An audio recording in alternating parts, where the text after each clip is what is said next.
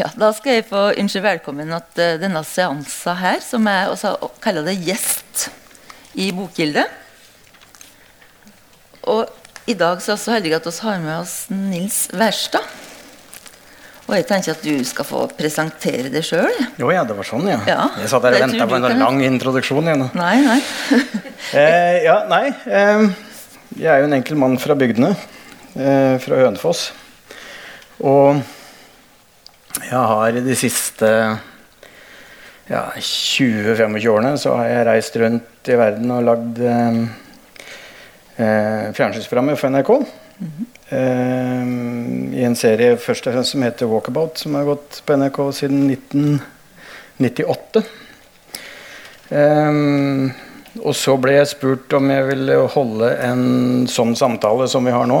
På eh, det, det stort anlagt biblioteket i Hole kommune. Og eh, det gjorde jeg da. Og eh, så ble jeg spurt om å komme hit, fordi det hadde på et eller annet vis fungert. Så da er det her vi er. Nemlig. Og jeg skulle også si hvem jeg var, da, selv om jeg vet at mange av dere vet det. Men jeg heter altså Olga Skrinde.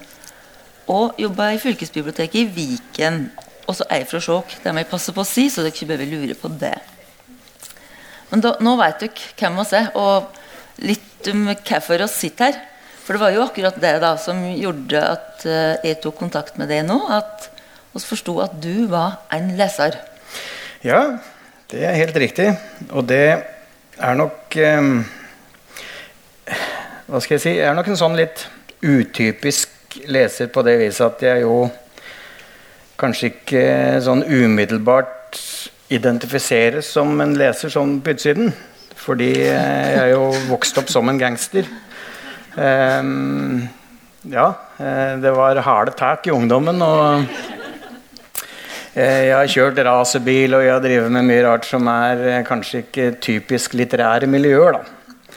Men eh, jeg vokste opp i Hønefoss, og som en, hva skal jeg si, som en konsekvens av hvordan jeg levde i barndommen, eh, som jo da gjorde at jeg, når jeg skulle gå og legge meg om kvelden, så var jeg jo da full av anger. Eh, og jo, jo, men det var helt påtagelig at det var, det var ikke en eneste natt jeg gikk og la meg uten at jeg lå og tenkte på hva er jeg har stelt i stand i dag.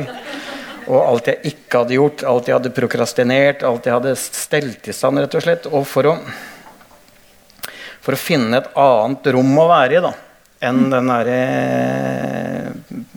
selvbebreidelsen og den derre refleksjonen over eh, alt gærent jeg hadde gjort, liksom, så begynte jeg å lese.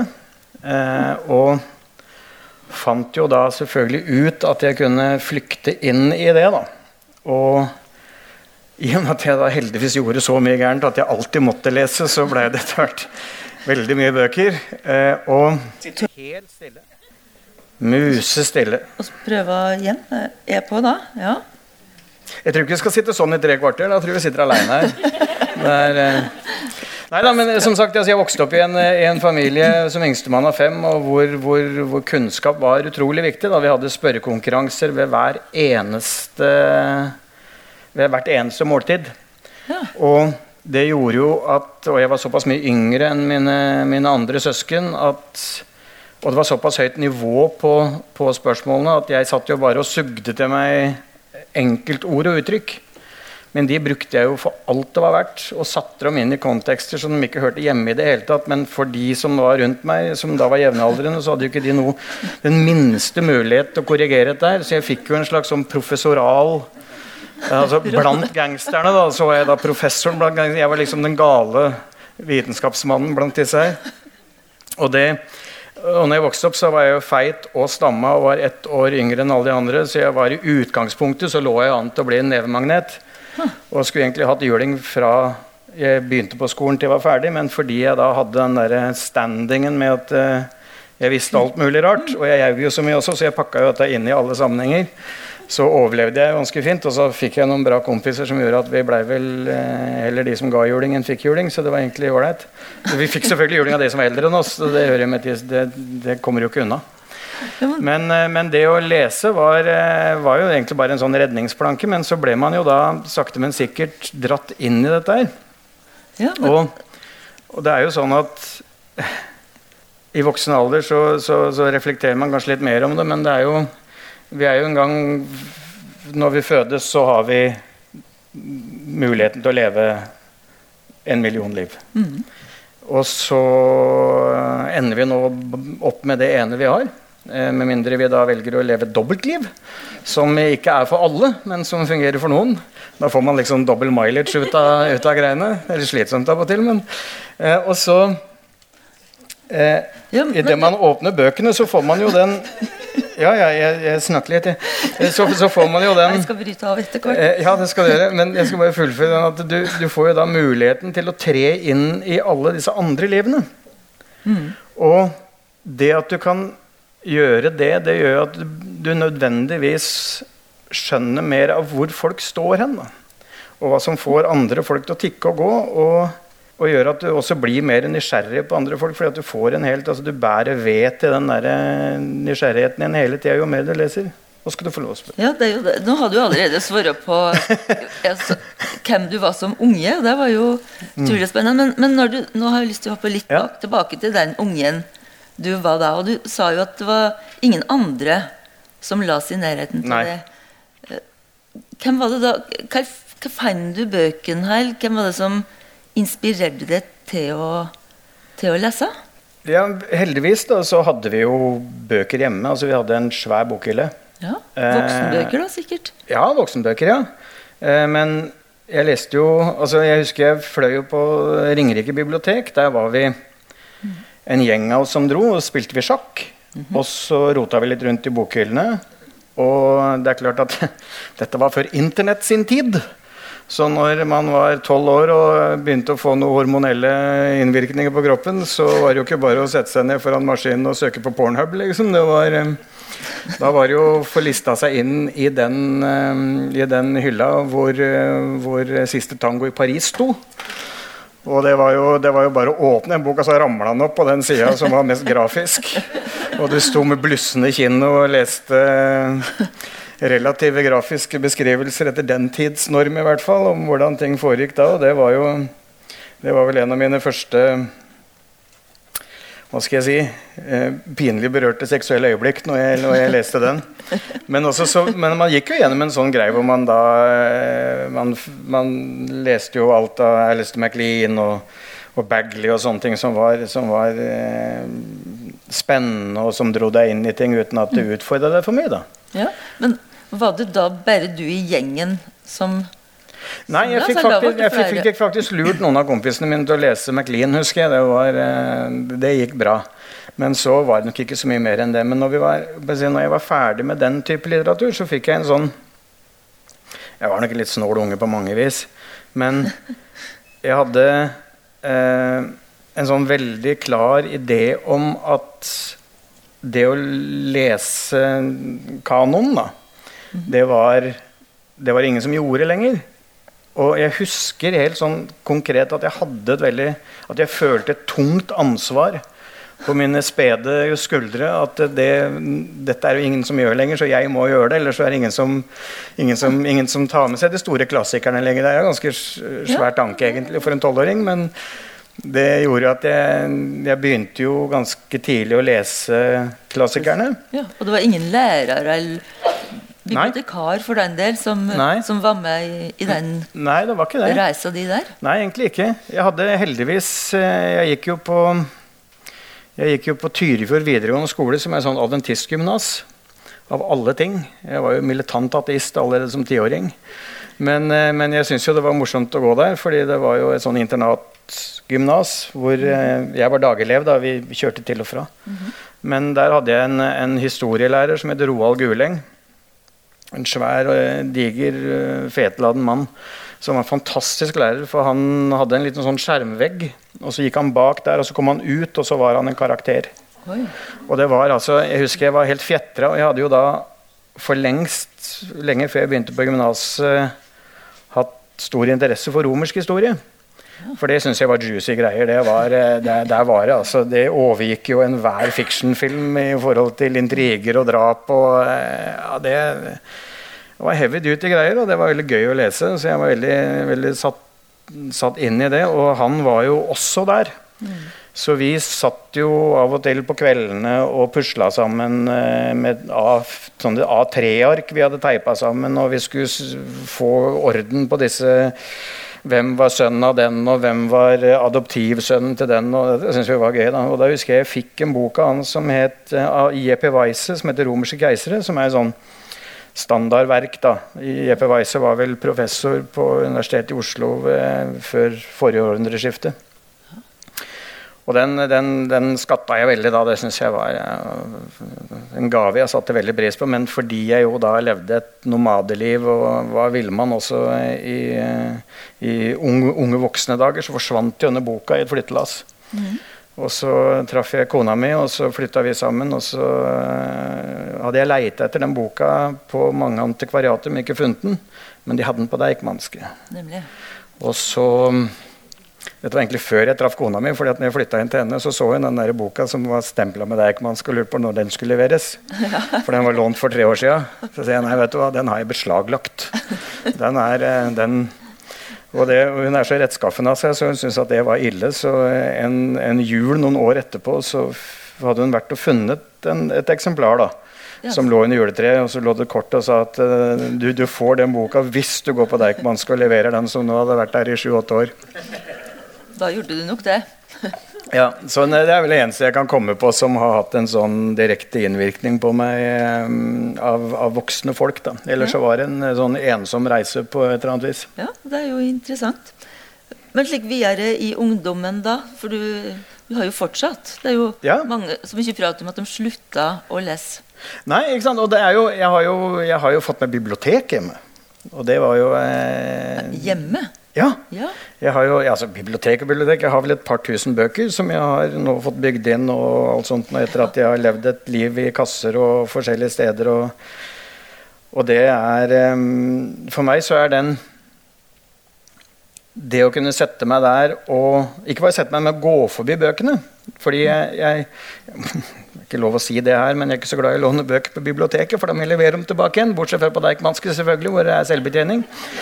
Og det er men det er noen ting med den Boka har den egenskapen for meg i hvert fall, at en bok jeg har lest som står i hylla, og jeg går forbi den, og jeg trenger egentlig bare å se ryggen på den, så er jeg der igjen.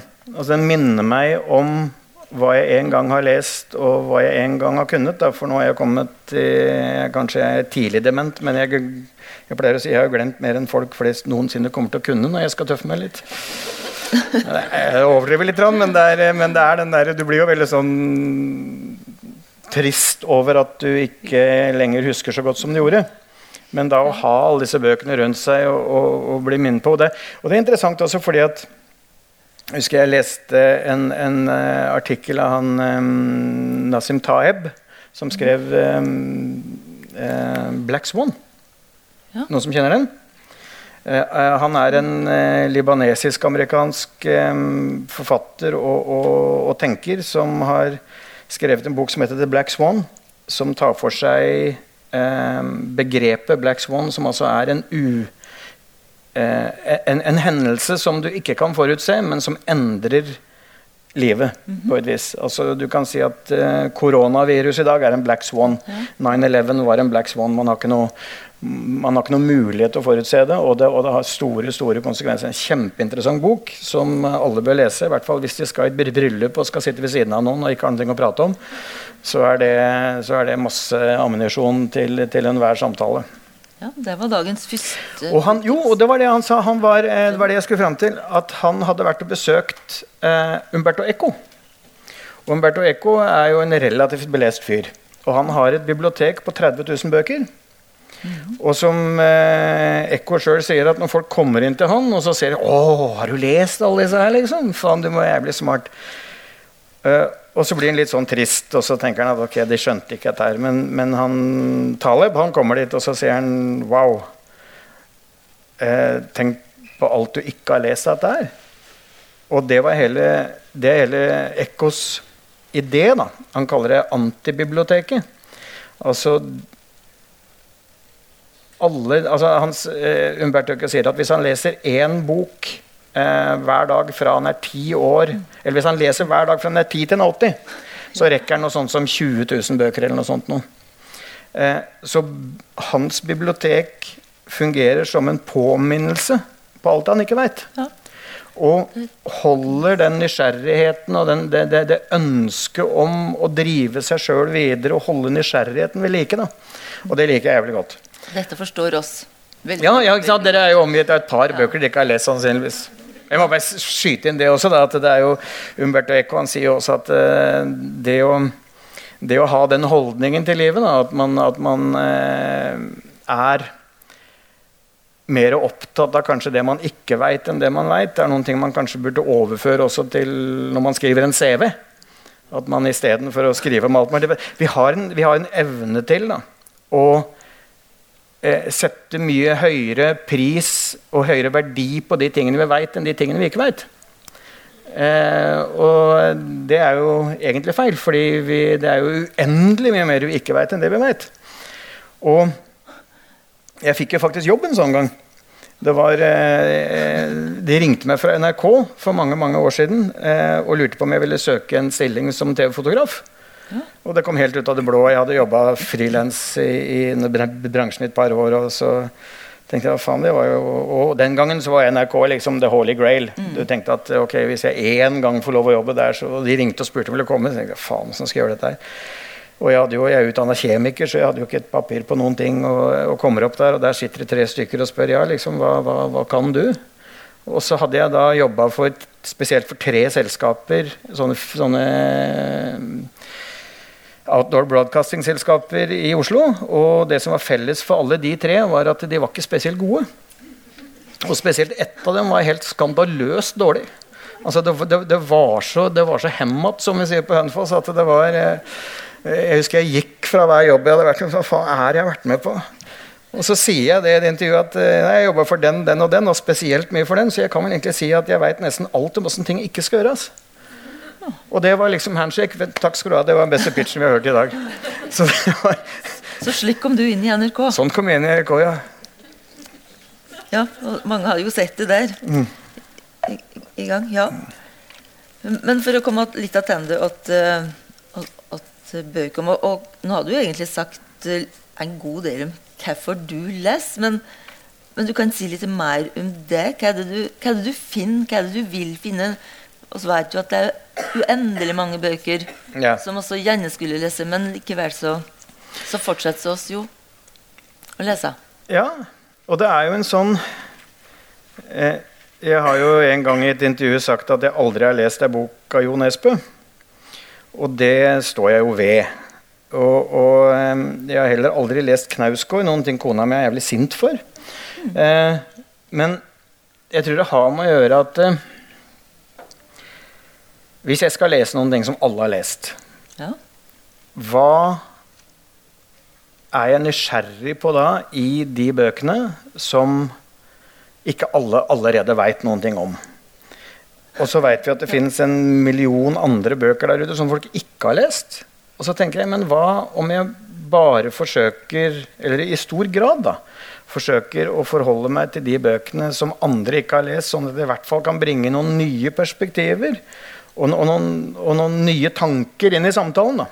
Ja, For du leser for å kunne samtale med andre? Nei, men det er jo et biprodukt av det. Ja. Fordi at det er jo en, du får en, altså Man får jo en slags kulturell kapital ja. ved å lese. Og det er klart, det er jo, Jeg kjenner jo folk som har bokhyller som de ikke har åpna. De står jo der som et elghue på veggen som de ikke har skutt sjæl engang. Liksom. Så det er, det er, liksom et sånn trofé. Mm. Og, og det, det, det, er jo egentlig litt trist, men, men, det er klart at når du Hvis du leser altså Jeg, jeg tok med denne her bare som for moro skyld.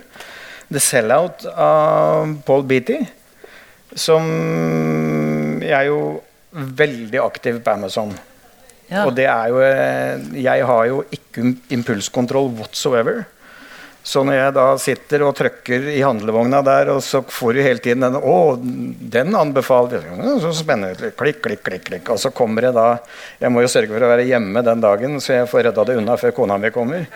Så det liksom bare tilfeldigvis havner i hylla. For når disse her eskene kommer, så er det jo liksom eh, Ja. Det, det tar litt overhånd av og til, da. Men da kommer man jo over ting som som du ikke visste fantes, og som du ikke aner hva er. Men du har bare en hunch på at ja, men det skal jeg prøve. For da stoler du på at Amazon kan uh, geleide det inn på mm. interessante ting? Ja, jeg kombinerer det med litt sånn shortlisted og longlisted for, for, for Man Booker og sånne ting. Og tenker at da er det noen som har For det verste jeg veit, det er hvis jeg åpner ei bok og har investert en halvtime, og så er det bare rør. Ja. Det, men, ja, men, det er jo ikke sant, fordi at det, du, du, har bare denne begrensa tida på jorda til å lese. Og hvis du da skal sitte og bla i noen ting med svarte faen, liksom Hva er, det, hva er dette for tull? Så er jo, og der, Derfor så vil du gjerne ha en litt sånn ok, at det er litt siling først. da. Ja. At du ikke bare sitter sånn og trykker, liksom. Det blir litt feil. Men da, ofte, da ser jeg ofte etter ting som, som, som har blitt shortlista på noen ting. da. Ja, Men du bruker ikke andre folk til å, til å komme med innspill? Nei, men jeg bruker, jeg bruker, veldig mye Jeg bruker veldig mye når jeg leser eh, Jeg har jo Facebook er jo veldig interessant sånn sett, fordi eh, jeg har jo eh, venner på Facebook som, eh, som, i stor grad er, er, er meningsbærere på mange vis. da. Mm. Og som er langt smartere enn meg og tenker mye mer enn meg og publiserer mye mer enn meg. Og, eh, og, de skriver lange ting på Facebook. Men det er jo veldig ofte at det kommer referanser til mm. i, i, diskusjonsfeltet. da, Så kommer det ofte referanser til bøker. Ja. Og da er jo veien veldig kort til handlevogn på Amazon. Ja. Og likeledes også når du leser eh, intervjuer i Dagens Næringsliv eller i eh, Morgenbladet eller hvor som helst, så er det veldig ofte at det refereres til bøker. Og da er det jo en sånn der grei som går på med en gang. Liksom. Hvis det er noen ting som er i nærheten av et interessefelt der, så er klikk. Ja, for det har jeg litt lyst til at vi skal prate om. For dette med kommunikasjon rundt litteratur ja. nå i 2020, og statusen mm. og, og, hva ja, i hele tatt hva kommunikasjon vi klarer å få til eh, rundt litteraturen. For det er jo det er jo ikke så mye litteratur på TV, for å si det slik. Nei. Altså det, det spesielle kanaler. Du må være spesielt interessert for å få, få noe Ja, du må i hvert fall ha slått på den bryteren ja. eh, som gjør at eh, når du leser en referanse til en bok, så skal det trigge et eller annet i deg. Ja. Og sånn fungerer det for meg, i hvert fall. Eh, mm. Og jeg er jo aldri i norske bokhandler og ser etter bøker. Nei. Fordi det igjen så kommer vi litt tilbake igjen til den der forferdelige tid på topp-veggen. Ja. Som, eh, som, Jo, jo, men det er jo litt sånn, er det ikke det? At det er sånn eh, Åh, gud. Skal jeg lese dette her, liksom? Som, som Gud og hvermann har sittet og bladd i, og, og eh. Gud og hvermann, det her skulle du si Jo, jo, men altså Dere har litt større bokhyller her, da. Men det, men det er litt sånn det, og jeg, og jeg, sier ikke at det er, er, er, dårligere litteratur enn noe annet, snarere tvert imot sikkert, men, men det er den der at jeg, jeg, har heller aldri, kan jeg huske, vært veldig opptatt av, av eh, listemusikk eller eh, jeg har alltid hatt den greia i meg at jeg ikke vil gjøre som alle andre. da. Ja, jeg det. Og når jeg, skulle, når jeg vokste opp på Ønfoss, så var det jo ikke noe alternativ i forhold til å konfirmere seg. Man konfirmerte seg kristelig, og det var det. Mm. Og så fikk man en moped. Det var liksom Det var det du fikk igjen av det. Men jeg var jo på alle konfirmasjonsforberedelser. Jeg leste grundig i Bibelen før hver time fordi jeg visste at jeg hadde jo presten. Mm. Og de andre satt og sov. Men jo, han måtte jo sitte der. Og han måtte svare. Så jeg satt jo på første benk, og vi satt og holdt en samtale i en time. Hvor jeg da hadde fresh news from the Bible, som jeg skulle ha dette må du faen meg forklare. Ja, svare for. Ja, det, jeg må svare for det, rett og slett. Han kunne ikke gå noen sted. Så det var, og når vi var ferdig med konfirmasjonsforberedelsene, så tok hverandre i hånda og sa at uh, vi skjønte jo begge to at dette skulle jeg i hvert fall ikke, liksom. Og det visste jeg jo på forhånd også. Men det var den derre litt den motstrømsgreia at eh, når alle sammen gikk i flokk og satt der og, eh, og, og regna ut hva de kom til å tjene på dette her, og anslo hvor mye de kom til å få av penger, så syns jeg bare at det var liksom Nei, faen om jeg skal være med på det, liksom. Og så ga det seg grove utslag, sånn som at jeg aldri så Gris eller Saturday Night Fever. Og det var jo eh, Det gjorde meg jo til et, eh, et, et popkulturelt fenomen på Hønefoss. Som ikke hadde, som ikke hadde de referansene, liksom. Men det var liksom, hva faen skal jeg det for? Ja, for På en måte så du, framstår du som en einstøing, men du vil jo definitivt kommunisere med, med verden, og du vil også kommunisere Ja, ja. ja. Og det er ikke noe einstøing, men, men, men, men det er mer det at jeg vil Jeg har aldri vært komfortabel med å bare følge etter, da. Ja, det, det, det Og skjønner jeg. det Ja. Men også er jo opptatt den der samtalen om litteratur. Oppgaven vår er jo å formidle litteratur og få folk til å forstå hva mye annet enn denne her tid på toppveggen som fins. Og, og hva det, du med kompiser Hvem prater du med om litteratur? Jeg er jo veldig aktiv eh, på eh, Fordi at når du har med sånn, da, så kan du legge til andre adresser. Ja. Og eh, Thomas Seltzer, han og jeg, vi eh, snakker mye bøker sammen. Ja. Og han står jo på mailinglista mi. Og den her fikk jo han Når jeg bestilte den til meg, så bestilte jeg den til han samtidig. ja. Så eh, det går noen kroner den veien òg, liksom. På, på folket. Og når jeg, når jeg kommer over bøker som jeg tenker at å, den må jo, den må jo hun, hun også lese, og så trykker jeg på den, og så går en kopi til henne også. Eller til han. Og så har man jo da i ettertid en samtale om det. liksom, at eh, faen, hva, for det, det er jo ikke det at man skal sitte aleine og lese, og så skal man bare fortelle ut. Men, men da kan jo vi sitte og, og, sø, og søle og drikke vin og si at hva faen var det for noen ting?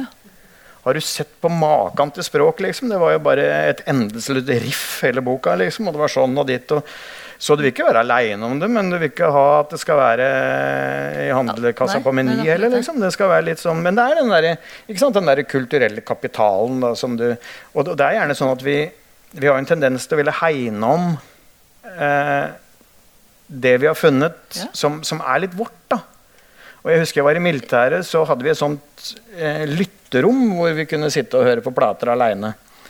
Og eh, jeg kom over Rakhmaninov, og, og, og det traff et eller annet i meg. Og så kom da den filmen Jeg husker ikke hva han het for noe, pianisten eller et eller annet sånt, en eller annen stølling som satt og han spilte Rakhmaninov. Og dermed så kunne jo alle sitte og nynne Rakhmaninov. Er faen. Var, nei, da ble det liksom allemannseie, så det var ikke det noe gøy lenger. Jo, jo det, er, det er jo litt sånn Man vil jo ha litt eksklusivitet i det. Man skal være litt midt. ikke sant? Og det er jo kanskje det også som gjør at man, man ikke går bare i tid på topphyllene. At det, er, det skal være litt midt. ja, jeg skjønner jo hva du mener. At du eh, Ja. For det er jo en det, det, det, det, det å finne bøker, det er jo en skattejakt, egentlig. ikke sant? Ja, det er jo det, og det er jo det Ja. oss kontinuerlig jobber med. Og, Ja. og i motsetning til det, da, så skal jo oss dele. Det er jo vår Ja, ja, ja, ja, jeg- jeg ser det, jeg ser det. det, det oss eh, det er Men oss dere har jo en forferdelig tung oppgave fordi dere allerede Altså Det første vi gjør da med våre unge, ja. det er jo å kirurgisk fjerne enhver kjærlighet til litteraturen ved å banke Tarjei Vesaas det store spelet i bordet og si 'analyser'. Altså det er altså ja, men, ja, men ærlig talt, hvem er det som klarer å komme på at det er en god idé? Når sist gang satt jeg og leste ei bok, går på maskinen min og skriver en analyse? Eller i det hele tatt reflekterer analytisk over det jeg har lest, ut fra de kriteriene som jeg har sittet og lært unga mine fordi de skal ha det på skolen. Det er altså Altså På Hønefoss, da, hvis vi hadde fått tak i den ansvarlige så er det mulig at han ikke hadde klart å åpne telefonen sin eh, med ansiktsgjenkjenning, i hvert fall på et par dager. Det Ja. var en subtil måte å si at man hadde fått juling på. Men det er noen ting med den altså, Hvis vi har tenkt å bringe unge folk inn i litteraturen, så må vi jo først og fremst tenker jeg, da, skille mellom gutter og jenter. Ja, det er et Ja, det interessant skille. Det tror jeg. Ja, men jeg, jeg tror det er sånn. Fordi Unge, fordi unge gutter og unge jenter står, de står litt forskjellig i livet med tanke på hva som klarer å ta fatt i dem. Og det i disse dager skal man jo sikkert ikke si det, men det driter jeg i, fordi at eh, sånn har jeg opplevd at det er. Og det er klart at hvis du, hvis du har en 15-åring, da, en guttunge, det har jeg. ja. Og så skal du gi han eh, en bok å lese, og så gir hun da gir hun 'Ville svaner'. Nei. Nei, jeg tror ikke det. Eh, det er eh, Jeg husker jeg prøvde jo å lese 'Ville svaner' en gang, og jeg kom til side 20 og lurte på liksom, svarte, liksom. Det var, den, den talte ikke til meg, da. Nei. Språklig sett. Det orden. det gjorde den altså ikke. Og, men, men det så mener jeg ikke at du ikke skal kunne, kunne altså, At det er forskjell på mannlige og kvinnelige forfattere, kan man kanskje si at det er eh, eh, hvis man generaliserer. Men jeg, men jeg tenker at ja, til en viss grad så vil jeg si det. Til en viss grad. Eh, men du kan gjerne gi 15-åringen din eh, gutten Tara Westovers eh, 'Educated'. Ja. For den suger fatt inn. ja. Vil jeg, vil jeg påstå, da. Problemet er jo at oss får dem ikke til å åpne boka engang, fordi at de har, har fjeset Ja. Det er jo utfordring nummer én. da, Ja. Å få dem til å se forbi og, forstå at det er noe ja, det Noe krever jo konsentrasjon. Ja, det er en motstand der Ja. som de ikke er vant ved. Og, det, det, og jeg merker jo sjøl at jeg er jo eh, en ivrig bruker av alle tjenester sjøl. Jeg merker jo sjøl på meg som er snart 56 år gammel, at jeg også gradvis får mindre og mindre konsentrasjon fordi jeg hele tiden er Jeg har vent meg til denne måten å bruke sosiale medier på. Som, som forstyrrer meg ganske mye, egentlig. Og da kan jeg ikke forestille meg åssen det er for eh, mine døtre, som jo da lever i en telefon. Ja. Og så da Ja, det er eh, Det er en jævlig utfordring. Altså. Jeg har en datter som studerer medisin, og hun ringte meg etter Da hun akkurat begynt på førsteåret på medisin, og så hadde hun hatt en sånn etikktime eller noe sånt, og så var det en kvinnelig professor som hadde vært så jævlig bra. Hun hadde inspirert dem til å lese skjønnlitteratur, Ja. medisinerne. Og hadde da eh, bedt dem om Hun hadde da en liten liste med ting hun foreslo, for det var veldig få av disse ungdommene som leste. Som hun foreslo, som hadde, kunne ha en sånn korrelasjon i forhold til det faget de skulle ha. da. Og så ringer hun meg og spør liksom, ja, og ble så inspirert. Og ja, nei, nå vil jeg i større grad bli en leser og sånne ting. Om jeg hadde noen forslag til bøker som, som hun kunne da foreslå igjen videre da, innover i, i, i dette systemet, som, som hadde en sånn ganske sånn tydelig, ty, ty, tydelig mm, altså Som kunne fungere overfor, om- om, unge legestudenter. da. Og da bare tenkte jeg at eh, hun hadde jeg lyst til å prate med hun professoren og høre hva sa du til dem, liksom. For hun ringte helt oppglødd. Altså det var sånn Åh, var den timen? Det var sånn! jeg- Og, og, og jeg, selvfølgelig, jeg var jo på Amazon, og så fikk jo en kasse dagen etterpå. Jeg vet ikke om jeg åpna ei bok ennå, jeg, for det var et par andre ting du skal lese når du studerer medisin. Men det er det, det, det, men det handler tror jeg, veldig mye om at hvis man først kommer dit hen at man klarer å få satt et ungt menneske foran ei bok, så bør det være noen ting som du har en viss tro på, i hvert fall, at veldig fort kan ta fatt i det unge mennesket å, å skape en eller annen form for, for, for gjenkjennelse, en eller annen form for nysgjerrighet, en eller annen form for driv. da. ja, er, fortellinga er jo fortellinga uansett Ja. for, men, men det er jo som du sier, at det er litt mer motstand i å lese sjøl enn å få det servert. Ja, jeg, jeg, jeg tok med denne for moro skyld. Ja, denne var jo liten. Det er Louis Elman. Det er 1066 sider. Ducks New Report. Er det noen som har lest den? Nei, kan ikke du Nei. fortelle litt grann da? Nei, det kan jeg ikke. Nei. Fordi jeg kom til side vel, 70. Og, og det, et det var bare et eksempel. Jeg var nysgjerrig på om noen har lest den. Den er jo også da longlisted til, til, eh, til Booker-prisen i 2019. Ja. Og den er eh, Altså, den får eh, på sporet av den tapte tid, og vil virke som en tegneserie å lese. Oi. Det er rett og slett, sånn jeg forstår det, bare et, det er et slags rant da, på 1000 sider. Eh, hvor enhver ting som faller ned eksakt i det øyeblikket, kommer ned på papir. Ja. Og, og jeg opplever den som fullstendig uleselig. Altså, jeg klarer ikke for mitt bare liv å komme videre enn 80 sider, og da har jeg ikke skjønt noen ting. Så denne kommer du til å legge att på vei hjem, du. Ja, altså, det, jeg, kan, jeg kan sende den rundt. Så kan du kan bare åpne en hvilken som helst side og se om det makes any sense. Ja, Tida går jo fort her, så kanskje har du lyst til å høre litt om bøker som har betydd noe ekstra for deg. Nå nevnte Ja. du jo den med romerske keisere, Ja. men andre, andre bøker som du har lyst til å fortelle oss om? Ja, det, er jo, det er jo alltid en litt sånn veldig vanskelig øvelse, men um, det er jo en Jeg tror det er veldig sånn for mange av oss at når vi blir spurt om den beste filmen, den beste musikkopplevelsen, den beste boka, så, så er det i veldig mange tilfeller at det peker tilbake igjen til en alder vi var i, hvor vi var liksom bare vidåpne for alt, og alt gjorde så jævlig stort inntrykk. Altså det som kalles våre formative år. Eh, for da er vi jo gærne. Da er, vi, da er vi sånn, ikke sant? Mens jo eldre vi blir, jo mer har vi sett, jo mer har vi lest, jo mer kyniske blir vi. Så det er jo de bøkene jeg leste når jeg var ung, og som gjorde at jeg tenkte at eh, ja, det, det, det gjorde noe helt sånn Jeg husker spesielt Sigfrid Lenz 'Tysktime'. Den leste jeg da jeg var 17 år, eller noe sånt nå. Og den snakka jo direkte til meg. Fordi det er jo en bok om plikt. eh, og jeg vet ikke om du kjenner tysktime av Sigfrid Lenz. Og, og Lenz han skriver jo ikke med de største bokstavene i verden, for å si det sånn. Han er jo ganske lavmælt. Men det var noen ting eh, med den historien som Og jeg, jeg har jo noen sånne ord som er, eh, som, som er nei-ord hos meg. Da. Det er annet plikt og moral og sånne ting. Det, det syns jeg er forferdelige ord.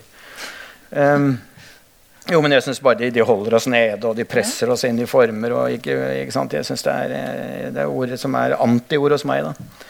Og da å lese om plikten i denne historien fra, fra Sigfrid Lenz gjorde jo da så stort inntrykk på meg, fordi jeg, jeg følte på et eller annet vis at jeg blei hørt. da. Ja.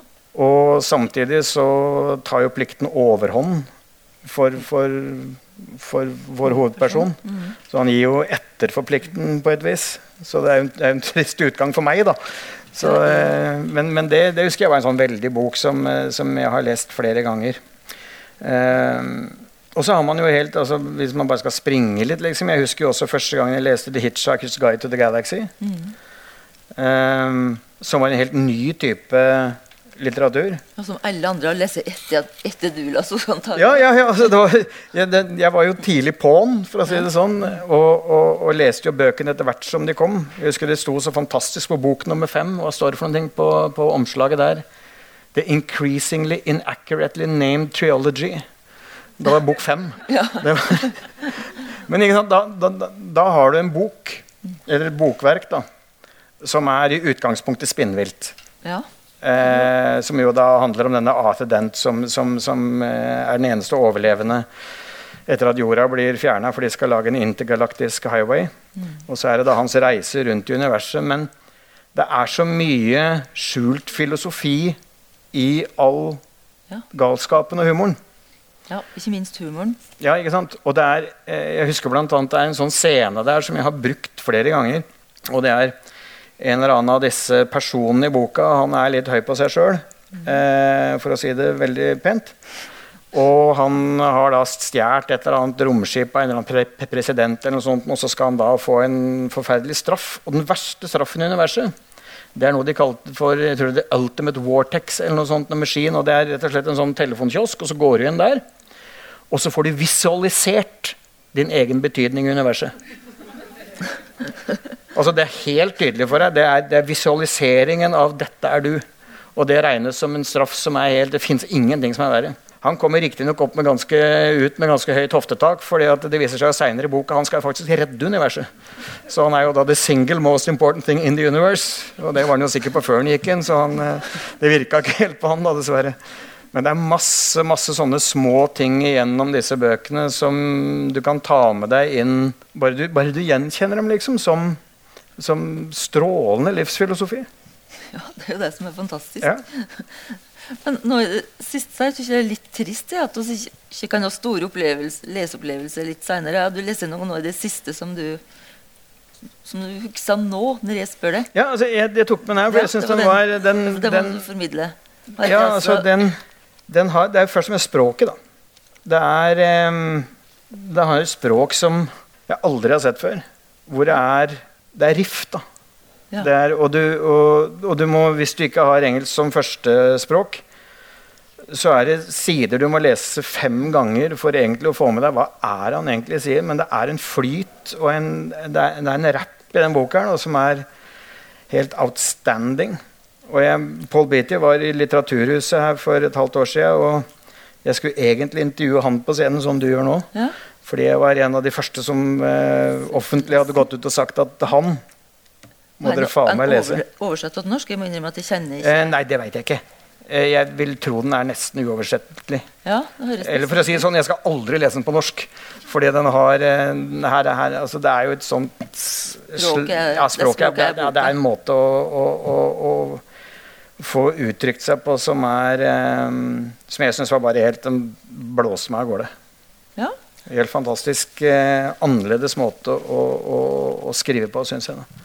Eh, I motsetning til hun andre der, som er eh, også en helt annen måte å skrive på, men som jeg ikke klarer å få, få, få tak i. da. Det blir for Som andre kanskje kan Ja, klare. det, åpenbart, siden den jo er Men jeg mistenker jo at noen av de kritikerne ikke har lest hele de 1066 sidene. For det er jo, men det, Noen ganger så blir det for mye av det gode. Altså, ja. hvis eh, En av mine egentlige favorittbøker er jo uh, Littells um, Å, hva heter den for en ting? De velvillige. ja. Og den er jo også på 1200 sider eller noe sånt. Noe. Og den kunne vel i noen passasjer kanskje ha blitt tatt litt grann ned. Ja. Eh, fordi når jeg diskuterer den boka med, med venner på Facebook, så har jo alle kommet halvveis. Ja. Og så blir det rett og slett for mye. Eh, så, så det er noen ganger man kanskje skal ha litt magemål også. Og jeg hadde jo en, min yngste datter som nå er 20. Hun har jo også sånn et ønske om å lese, men klarer ikke helt å få det til. Nei. Og så vil hun samtidig Hun ønsker å ha litt kunnskap om ting, da. Og så sier jeg men vet du hva, du kan, du kan lese Bill Brysons eh, 'Short Story About Nearly Everything'. Det, det gir deg litt samtalepunkter, for å si det sånn. Altså Hvis du har lest den og husker den, så kan du være i alle brylluper til du dauer. Er- er Og det er skrevet på et vis som gjør at det er altså, Jeg elsker jo sånne bøker som kan gi meg noen anekdoter. Og eh, jeg har jo underlig nok en eller annen slags interesse for, for, um, for matematikk. Eh, og etter at jeg studerte kjemi en gang i tida, og har lest en del bøker om, om bl.a. kaosmatematikk, eh, og som egentlig høres ganske sånn kjedelig ut, da. Men det er jo kjempemorsomme bøker.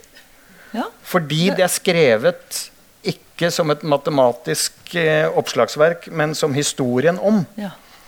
Og det er altså så mye fantastiske anekdoter og ting du kan dra fram i alle selskaper.